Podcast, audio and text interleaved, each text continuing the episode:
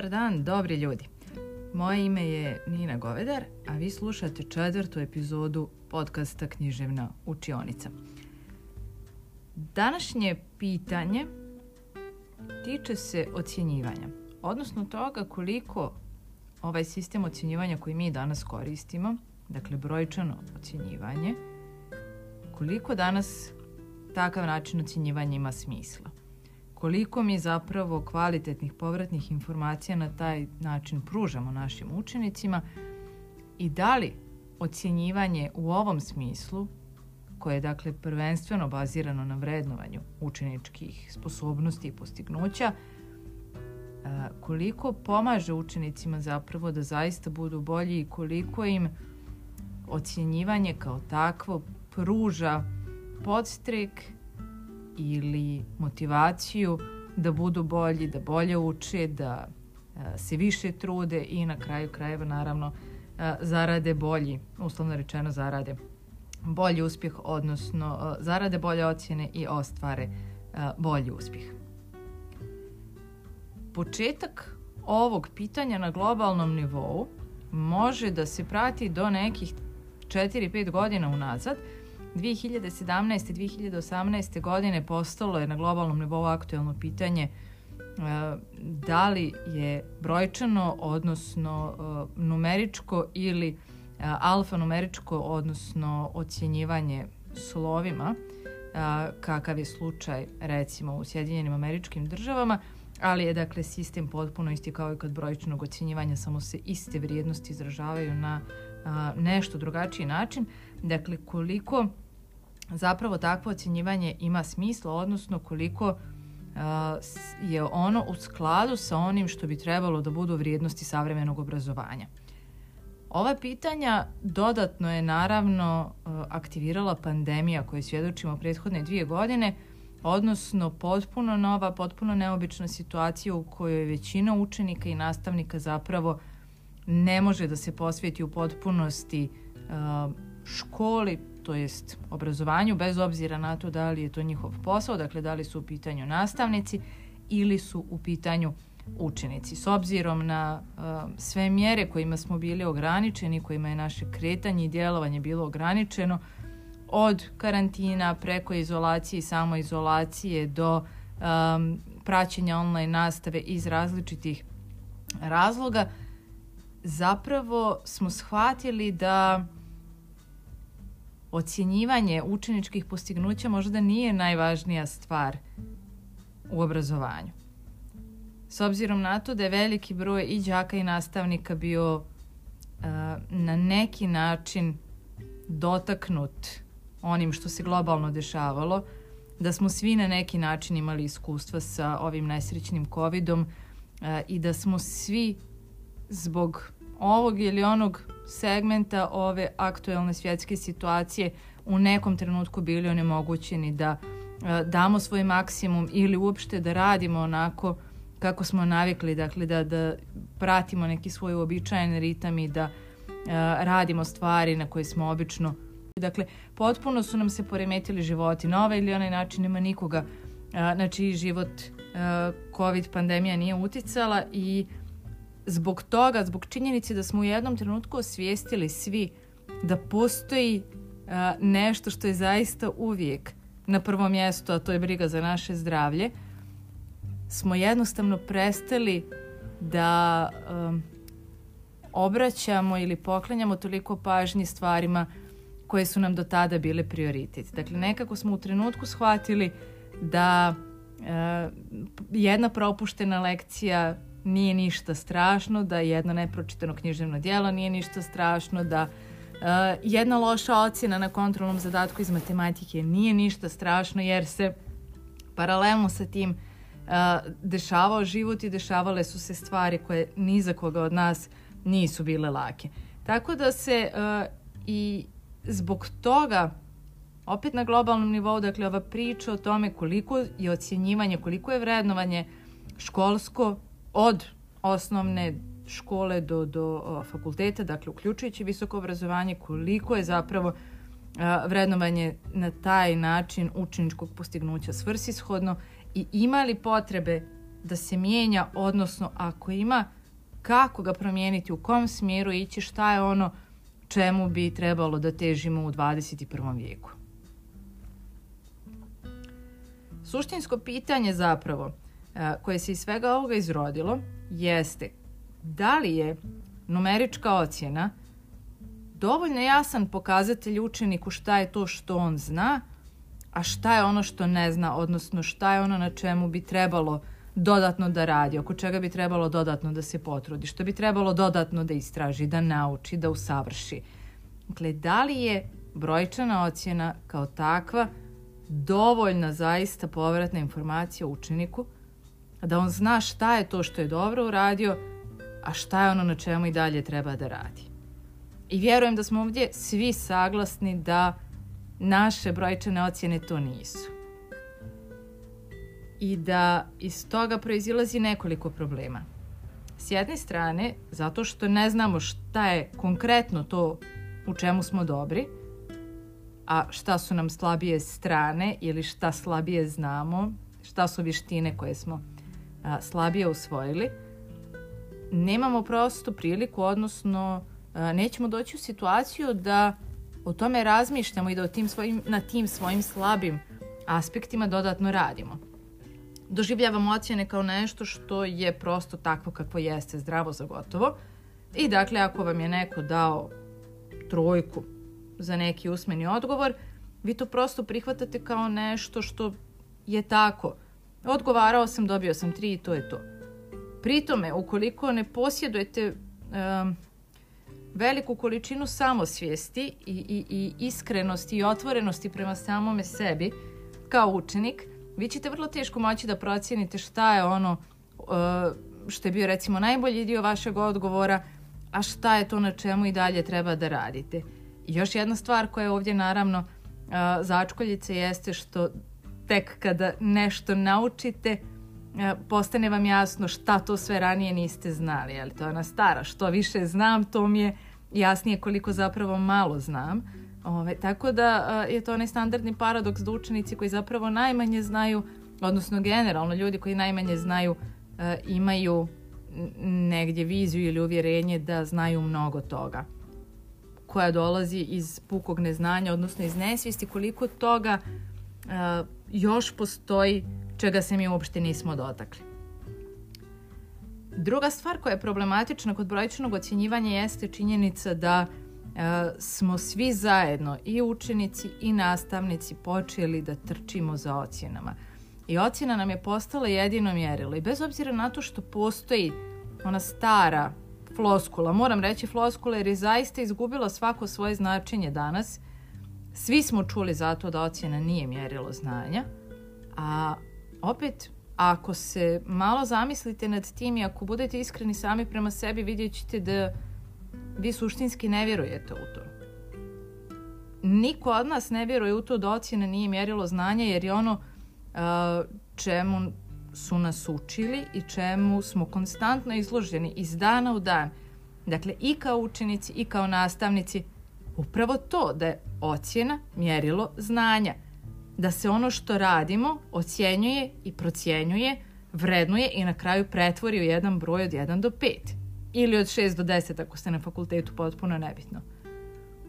I svi smo konstantno ocjenjivani i učenici od strane nastavnika i sa druge strane nastavnici što od strane učenika i studenta na nekim evaluacijama, što od strane nekih nadzornih organa, e, sobstvene ustanove, uprave i tako dalje i tako dalje. Dakle, stalno smo svi e, pod lupom nečijom i stalno naš rad, naš uspjeh, na naše e, sposobnosti, naše vještine bivaju procjenjivane, što samo po sebi nije loše ali je, pričat ćemo o tome zašto to nije loše. Odnosno, ajde, hajde da odmah ovaj, kažemo, dakle, da bismo mogli da napredujemo u bilo čemu, potrebno je naravno da imamo povratnu informaciju o tome gdje smo sad. Potrebno je da znamo da li smo u nečemu dobri, da li smo jako dobri ili tu postoji uh, još dosta mjesta za napredak. Mjesto za napredak postoji uvijek, samo je pitanje da li je taj napredak uh, nama nužno neophodan, odnosno da li nekome Uh, ko radi u osnovnoj školi je neophodna neka obuka za, za ljude koji rade u srednjoj školi ili u fakultetu ili šta je to diploma koja vam je u tom trenutku neophodna da biste radili na određenom radnom mjestu, šta su to znanje, sposobnosti, vještine i tako dalje. I u skladu s tim, naravno, vi dobijate konstantno na osnovu svog rada neku povratnu informaciju od pedagoga, od psihologa, od direktora, zamjenika direktora, od inspektora, nadzornika prosvjetnih i tako dalje i tako dalje. I zahvaljujući tim povratnim informacijama možete da unaprijedite svoj rad. Međutim, možete da ga unaprijedite samo ako vam neko od njih kaže draga koleginice ili dragi kolega, ovo nije bilo baš najbolje na vašem času danas ili ovo u vašoj pripremi nije baš najbolje osmišljeno, nije dovoljno precizno definisano, nije šta god, predlažem vam da na tome poradite ili da to promijenite ovako i ovako, predlažem vam ovu literaturu, posavjetujte se sa onim kolegom, on to dobro radi. Potpuno je nebitno, dakle šta će biti e, konkretan komentar i konkretna sugestija. Ali što je konkretniji, što je precizniji, što je usmjereniji, to je vama lakše da na tome radite i da sutra ili za 5 dana ili za mjesec dana ili za godinu dana budete bolji. Ista je stvari sa našim učenicima. Prvo, um, taj spektar ocjena od 1 do 5 je nešto što isto vrijeme i previše i premalo ocjena i verujem da će se um, da ćemo se tu svi složiti. Dakle, nekad su, su te nijanse prosto jako male, a sa druge strane nekad to što može da stane između jedne četvorke i jedne petice je veliko kao more. I vrlo je teško biti objektivan i vrlo je teško a, imati konstantno isti kriterijum i vrlo je teško isključiti neke druge uplive. Dakle, to što imate dijete koje stalno dolazi na nastavu, koje je stalno aktivno na nastavi, koje a, misli svojom glavom, uvijek reaguje konstruktivno i a, trudi se zaista da doprinese tom nastavnom procesu i nastavnom dijalogu i a, želi da učestvuje, dolazi motivisano na nastavu, Ako vam se desi jednom da ono podbaci na usmenom odgovoru ili na nekom testiranju, vi imate drugačiji odnos prema tom učeniku imate potrebu da njega ipak ocijenite malo blaže, uslovno rečeno, odnosno budete blagonakloniji prema njemu, nego prema nekom đaku koga na času niti čujete, niti vidite ili još gore nekoga ko vam stalno pravi neke uh, probleme, uslovno rečeno, nekoga ko je nedisciplinovan, ko ne obraća pažnju na ono o čemu je riječ na času, nego se stalno uh, bavi nekim potpuno sporednim stvarima na času. Dakle, to su Dakle, to su neki problemi koje će svako od nas imati u jednom jedinom odjeljenju. A onda imate onu situaciju u kojoj u dva različita odjeljenja prosto imate potrebu da neke stvari drugačije ocijenite. Zbog gomile nekih različitih faktora koji uključuju dakle, i van nastavne i nastavne faktore, ali isto tako i neku vrstu kolektivnog mentaliteta tog odjeljenja i različitih nekih odnosa koji postoje između đaka u odjeljenju međusobno i između uh, učenika i vas. I treća stvar koju bih ovdje spomenula jeste činjenica da je bez obzira na to što smo svi u manjoj ili većoj mjeri učeni šta znači procijeniti i ocijeniti nečije znanje, dakle postoji čitava nauka koja se bavi uh, vrednovanjem učeničkih postignuća, mislim na dokimologiju. Uh, osim toga, dakle, svako od nas, nastavnika, ima neki svoj kriterijum. I svako od nas učenike ocjenjuje na različit način. Prvo na osnovu različitih kriterijuma, objektivnih, a onda na, raz, na, na osnovu različitih subjektivnih kriterijuma. Laički rečeno, prosto kod nekog nastavnika je mnogo lakše dobiti ocjenu 5 nego kod nekog drugog. Ili neko prosto ima a, manju prolaznost na svom predmetu nego neki drugi kolega na svom.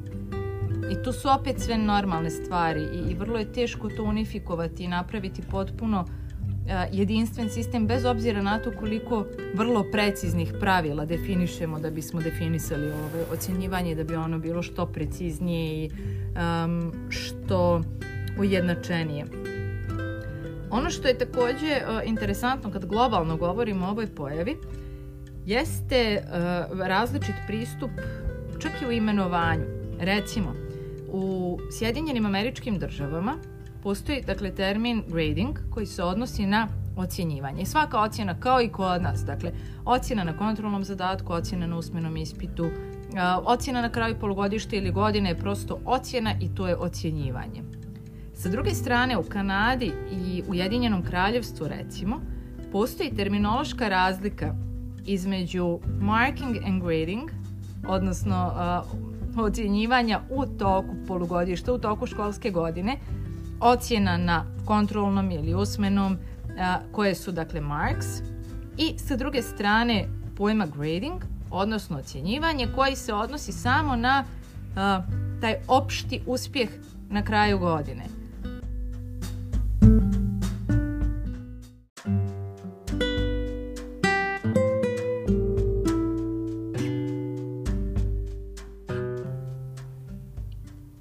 Postavlja se sad naravno pitanje šta su to konkretni problemi koji su naveli teoretičare, ali i praktičare da promišljaju i ponude neku vrstu prevrednovanja ovog pojma i našeg doživljaja ovog pojma a, ocjenjivanja. S jedne strane to je dakle činjenica da ocjenjivanje kao takvo zapravo doprinosi dehumanizaciji, odnosno da što se više koncentrišemo na brojke ili slova, kako god je u kojoj god situaciji, to manje vidimo osobu koja stoji iza tog broja. I kasnije, dakle, kada uh, nam se đaci upisuju u srednje škole, pa kad se upisuju na fakultete, pa kada uh, bivaju primani na različite poslove, sve te situacije u kojima se njihov prosjek u škole na ovaj ili onaj način vrednuje, pretvara u neki broj bodova, od koga njima sutra zavisi budućnost, predstavlja jedan proces dehumanizacije.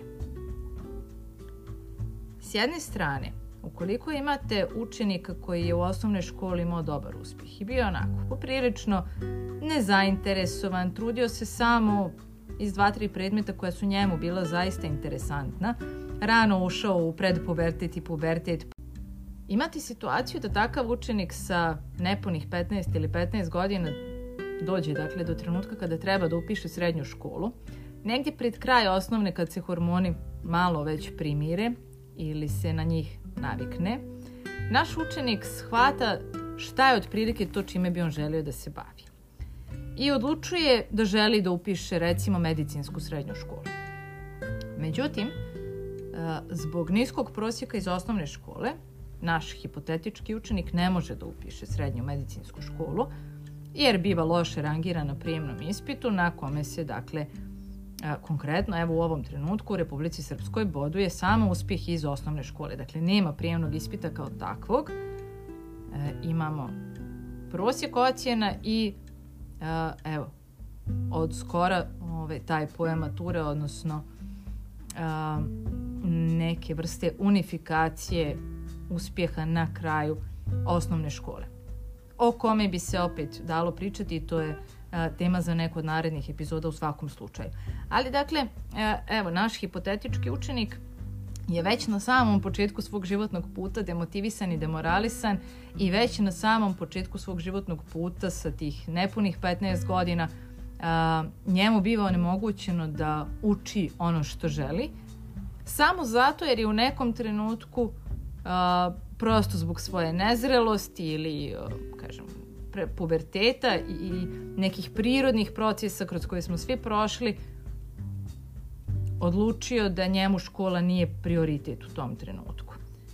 Dakle, ovim zapravo poručujem učenicima da nema mjesta za popravak, da nema mjesta da se predomislimo, da nema mjesta tome da u nekom trenutku odlučimo da, da želimo više da radimo, da želimo da učimo nego ako ste napravili kiks u jednom ili u dva razreda, to na neki način obilježava vašu budućnost.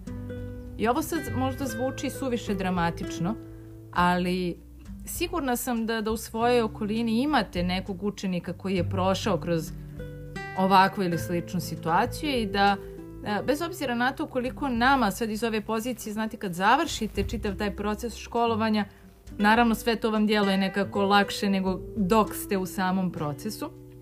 Tad su vaši problemi kao i uvijek u životu najveći, odnosno vi imate takav osjećaj i takav doživljaj, ali nekako zahvaljujući uslovno rečeno o ocjenjivanju ovakvom kakvo jeste, mi um, vrlo brzo zapravo klasifikujemo učenike u neke fioke koje ih obilježavaju pa nerijetko do kraja života.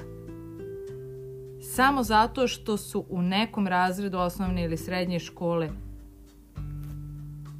odlučili da, da im škola nije prioritet. Ili zato što su prosto bili zaljubljeni u tom trenutku. Dakle, a, to je pomalo, čini mi se, razočaravajuće i, za učenike i za roditelje, ali i za nastavnike. Sa druge strane, kad imate uh, ovako mali spektar ocjena, dakle ovo brojčano ocjenjivanje od 1 do 5, odnosno od 6 do 10, uh, mi zapravo na taj način ignorišemo veliki broj nijansi koje postoje kod različitih učenika i koje postoje na kraju krajeva kod istih učenika u različitim oblastima.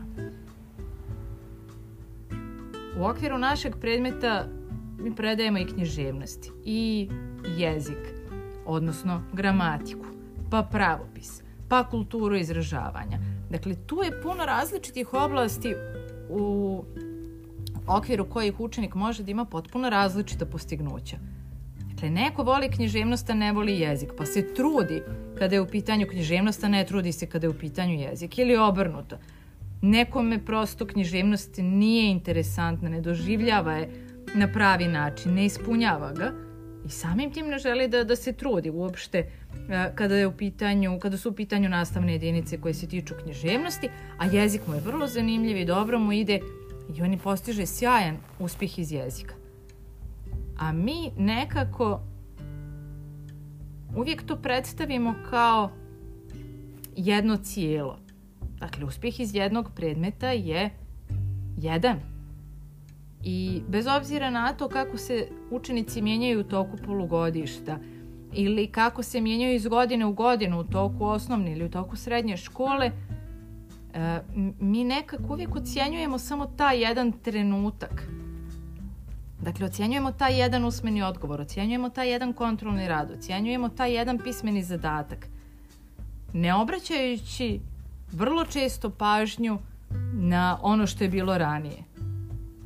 I samim tim vrlo često ne skrećući učeniku pažnju na to da je ovaj današnji rad mnogo bolje nego onaj prethodni ili je lošiji, da se nešto popravilo ili da je nešto ranije bilo bolje, da negdje posustaje, da pohvalimo svaku vrstu napredka koja dolazi kontinuirano ili da sa druge strane opomenemo, a čini mi se da to radimo mnogo češće u praksi, neku vrstu kiksa kad se desi, pogotovo kod učenika od kojih smo navikli da uvijek imamo a, dobar odgovor i dobru povratnu informaciju.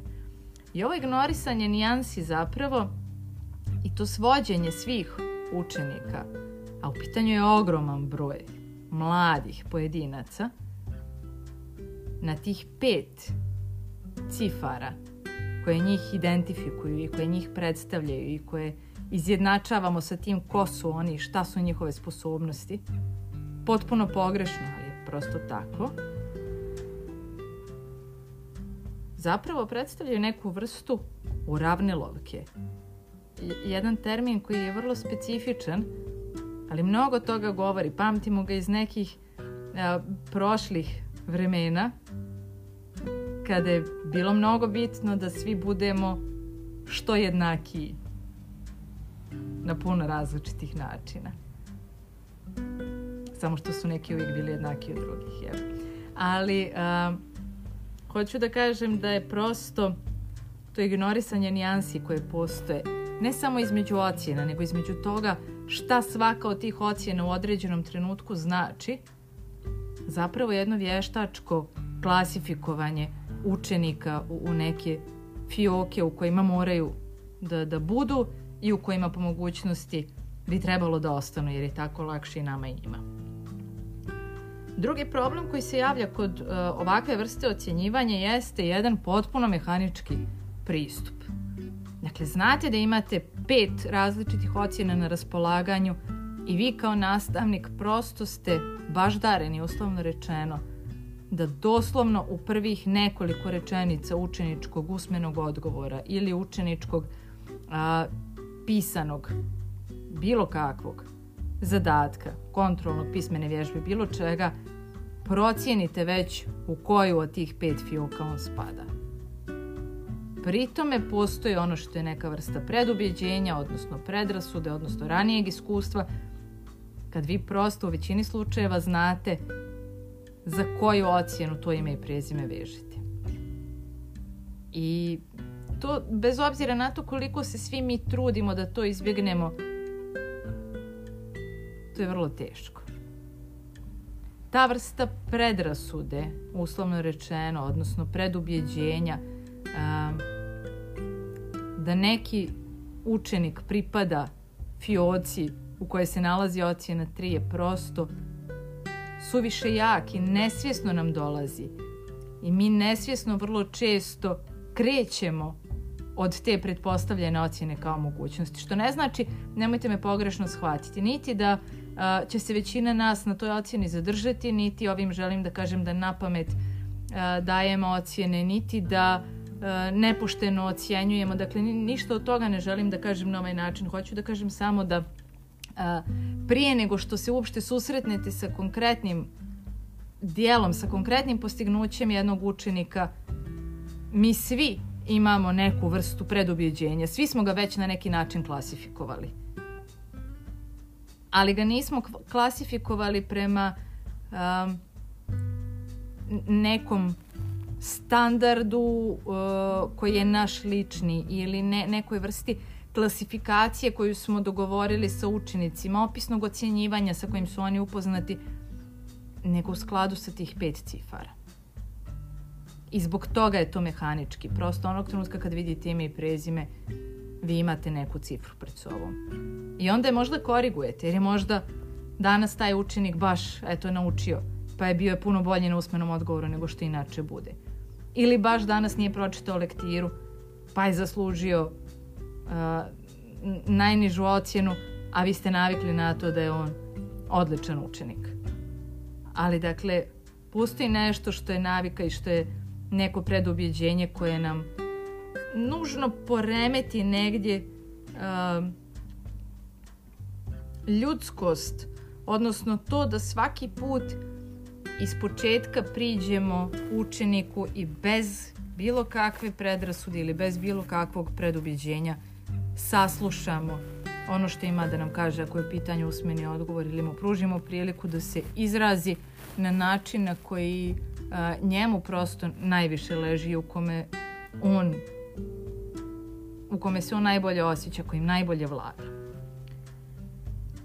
E, zašto je sve ovo ovako? Pa sjetit ćete se e, u jednom od postova, čini mi se, sam govorila o industrija, industrializaciji obrazovanja, odnosno o tome kako je zahvaljujući industrializaciji a, privrede i obrazovanje postalo a, masovno i vrlo slično, dakle fabrici, jer smo u nekom trenutku prosto imali potrebu za masovnim osposobljavanjem i obrazovanjem velikog broja a, radnika isto kao što smo klasifikovali radnike u fabrikama na osnovu njihovog uspjeha i njihove produktivnosti u smislu toga koliko su danas a, nekih proizvoda na, na pokretnoj traci uspjeli da a, slože ili da spakuju, tako smo klasifikovali i đake. Dakle, prvenstveno zato što su se naravno vrlo brzo pojavili oni koji su počeli da iskaču i da postižu puno bolje rezultate od prosjeka postojala je potreba da se njihov trud, zalaganje rezultati nagrade, a onda se to prosto proširilo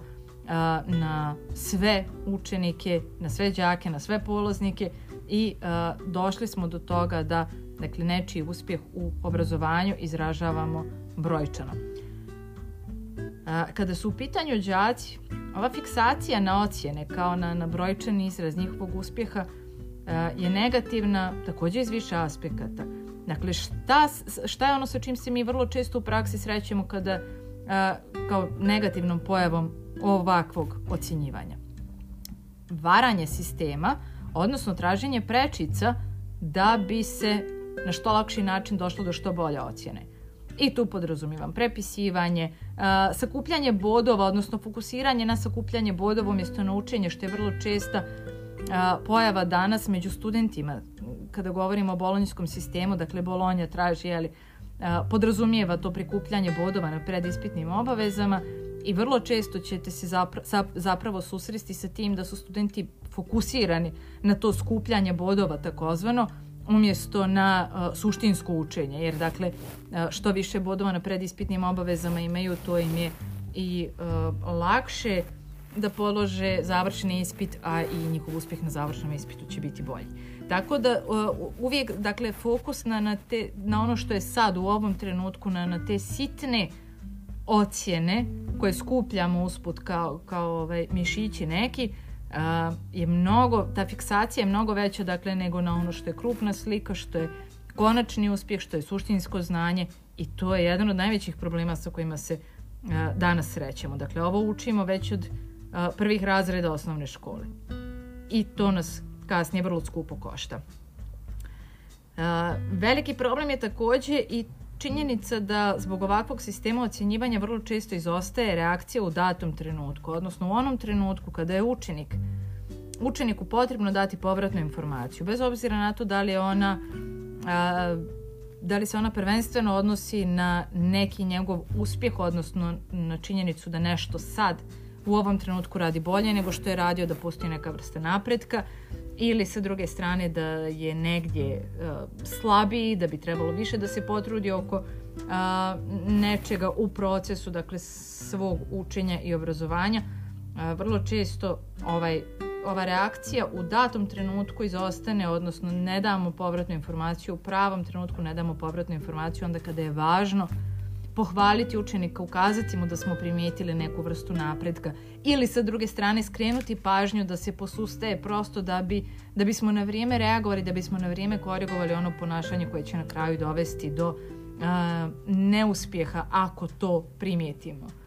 Još jedna stvar koja a, se veže za ovaj nedostatak reakcije u datom trenutku jeste i činjenica da a, timski rad gubi gotovo sav svoj smisao ovakvim ocjenjivanjem. Ono što bi bila pojenta timskog rada jeste uh, takozvani timski rad bez predumišljaja, odnosno uh, situacija u kojoj učenici rade timski, djeluju timski, zajedno su u nekom projektu i zajedno su usmjereni na cilj. A dakle, ne na, na parcijalno, ne na ono što je zadatak svakog od njih da bi u tom trenutku dobili najveću moguću ocjenu. Ukoliko ne postoje ocjene, ukoliko ne postoji uh, ta vrsta brojčanog kriterijuma na osnovu kog će oni kasnije biti klasifikovani, puno su veće šanse da su učenici usmjere na rezultat svog projekta nego na rezultat vrednovanja u vidu ocjene. Dakle, to je još jedna važna razlika o kojoj treba voditi računa. Preusmjer, preusmjerena nam je pažnja na metriku, odnosno na ono što je mjerljivo, umjesto na ono što je suštinsko. Ovaj komentar o tome da je forma iznad suštine ćete čuti, ja vjerujem, u, u većini epizoda ovog podcasta prosto zato što je to nešto što je ja, vrlo specifično za savremeni trenutak. I evo ga, ponavlja se i ovdje, dakle prosto usmjereni smo, opet kažem, svi mi kao učesnici obrazovnog procesa na metriku, na mjerljivo, na tu cifru i na ono što a, ona predstavlja mnogo više nego na ono što je uh, suština te ocjene, odnosno sve ono što se suštinski, što suštinski može da stane u tu jednu vrlo usku uh, kategoriju.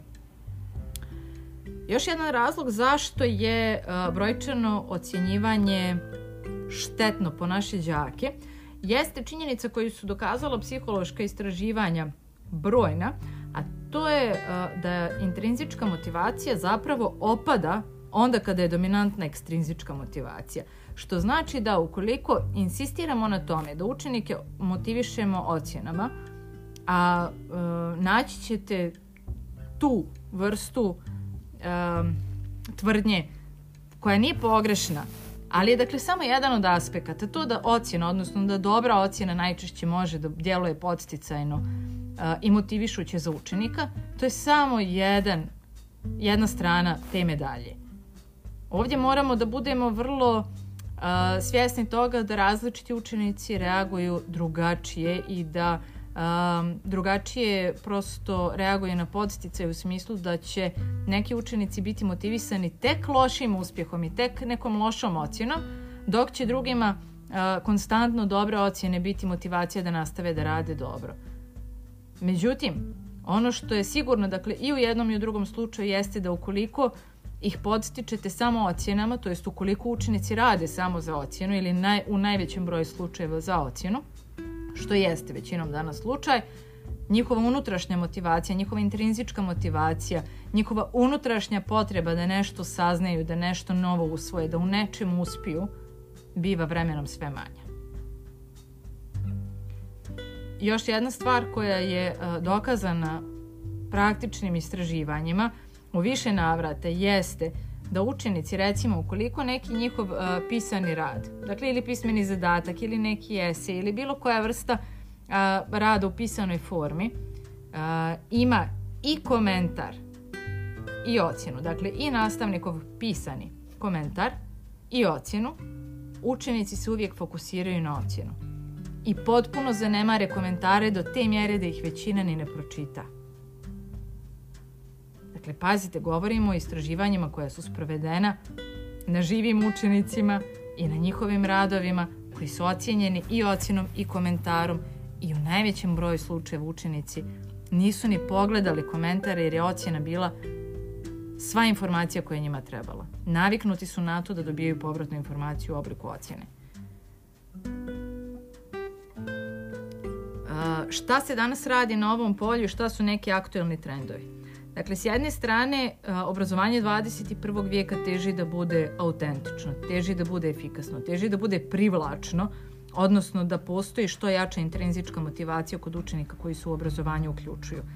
Teži da bude inkluzivno na svaki mogući način, kao i društvo uopšte, i teži da bude smisleno, odnosno da ne, ne predstavlja puku proizvodnju radnih kadrova, nego da predstavlja jedno a, humanističko obrazovanje u pravom smislu te riječi, pri čemu, dakle, znanja koja nosimo iz škole mogu da budu primjenjiva i treba da budu primjenjiva u našem kasnijem svakodnevnom životu. A, vrlo često se u posljednjih, dakle, nekoliko godina brojne škole susreću sa potrebom da eksperimentišu u vezi sa načinom ocjenjivanja i ovdje čini mi se, makar po informacijama dakle, do kojih sam ja uspjela da dođem prednjače univerziteti, odnosno visokoškolske obrazovne ustanove. Trenutno recimo na univerzitetu Brown, govorim sad a, o elitnim američkim univerzitetima prosto zato što su oni negdje uvijek prvi u ovim a, promjenama i oni su ti koji dakle prvi isprobaju na svojim studentima sve ono što se u teoriji predloži kao moguća inovacija i moguće poboljšanje obrazovnog procesa, pa je tako dakle slučaj i ovoga puta.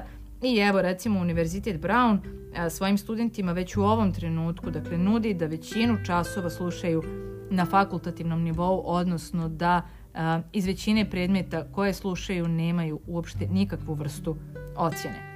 Medicinske škole u velikom broju slučajeva odustaju od klasičnog sistema brojčanog ocjenjivanja. Um, ono što je recimo u posljednjih dvije ili tri godine uh, postala praksa u velikom broju američkih uh, škola u kojima se izučava medicina jeste uh, princip položio nije položio koji je 2017. godine recimo bio zastupljen u 96 visokih škola u kojima se izučava medicina, uključujući tu i Univerzitet Stanford.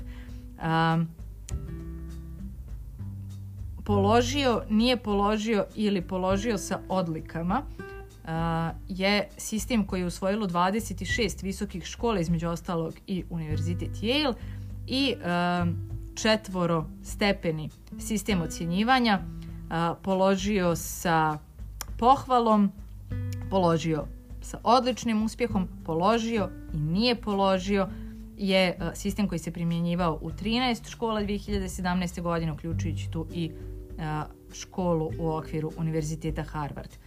standardne brojčane, odnosno slovne ocjene zadržalo je 28 univerziteta, dakle vrlo, vrlo mali broj, možda jedna šestina visokih škola na kojima se izučavaju medicinske nauke, a koje su ušle uh, u ovo istraživanje. Na kraju, uh, prosto, hajde da uh, napravimo neku vrstu zaključka o tome zašto uh, vjerujem da brojčano ocjenjivanje, odnosno ocjenjivanje kako mi danas koristimo, nije prosto najbolji način da svojim učenicima pružimo povratnu informaciju.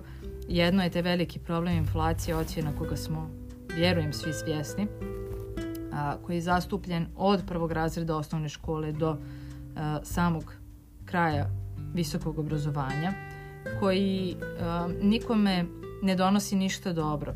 Dakle, cifre postaju veće, ti prosjeci postaju sve veći na svim nivoima, a znanja ostaje ili isto ili uh, u onom najlošijem slučaju uh, biva čak i niže nego što je to bio slučaj prije 10 ili 15 godina. I prosto spuštajući vrijednost ocjena sami sebi oduzimamo moć koju smo uspostavili na tom sistemu brojčanog ocjenjivanja. Tako da će vrlo brzo, ako već nismo u tom trenutku, a to ćete bolje znati vi koji ste svakodnevno u učionicama u osnovnim i srednjim školama, do te mjere a, srozali vrijednost ocjene kao takve da učenicima gotovo uopšte više da nije stalo, odnosno da ocjena više ne predstavlja nikakvu vrstu ni motivacije ni kazne za učenike. To je prosto nešto što što se desi i preko čega oni pređu u roku od doslovno nekoliko minuta u roku od jednog školskog dana zaborave sve ono što je juče u školi bilo. Dakle, prosto više ocjena kao takva nije podstice, čini mi se, ni za dobre, ni za loše đake. Nekako su do te mjere ocjene izgubile vrijednost da čak, iako zanemarimo sve ovo o čemu sam ove, ranije govorila, prosto iz toga kakvu mi povratnu reakciju od učenika dobijamo na te ocjene koje im dajemo, vidimo da tu nešto ne funkcioniše. Druga stvar koja se vrlo često zanemari kada su u pitanju ovi veliki sistemi kao što je obrazovanje, koji naravno moraju biti na neki način standardizovani i moraju biti na neki način uh, omeđeni nekom vrstom pravila. To je jasno. Prosto sistem je prevelik, previše učesnika u njemu i po moraju postojati neka formalna pravila koja će nam omogućiti da taj sistem funkcioniše. Ali, vrlo često, trudeći se da uh, budemo što precizniji u tim formama i da ih na, na što precizniji način ispunimo, mi zapravo zaboravljamo da je naš osnovni zadatak kao nastavnika da obrazujemo učenike, a ne da ih ocjenjujemo. Dakle, naš osnovni zadatak čak nije ni da ih nečemu naučimo, nego da im osiguramo priliku da usvoje neko znanje. Da im omogućimo situaciju, da im omogućimo okruženje u kome oni mogu da steknu neko novo znanje. To je ono što bi trebalo da bude ideal nastavničkog posla. I sa druge strane, evo jedno pitanje za razmišljanje za kraj o kome ćemo govoriti a, na nekom od narednih susreta u ovom obliku ili a, kroz a, neko od udruženja na društvenim mrežama. Dakle, jedan od načina na koji a, takođe pokušavamo da prevaziđemo ovu krizu inflacija ocjena jeste recimo i a, princip Gaussove krive, odnosno različiti pravilnici o distribuciji ocjena koji s jedne strane uh, podrazumijevaju da se kao recimo na univerzitetu Princeton gdje su odlučili prosto da jedne godine sve ocjene smanje za jedan.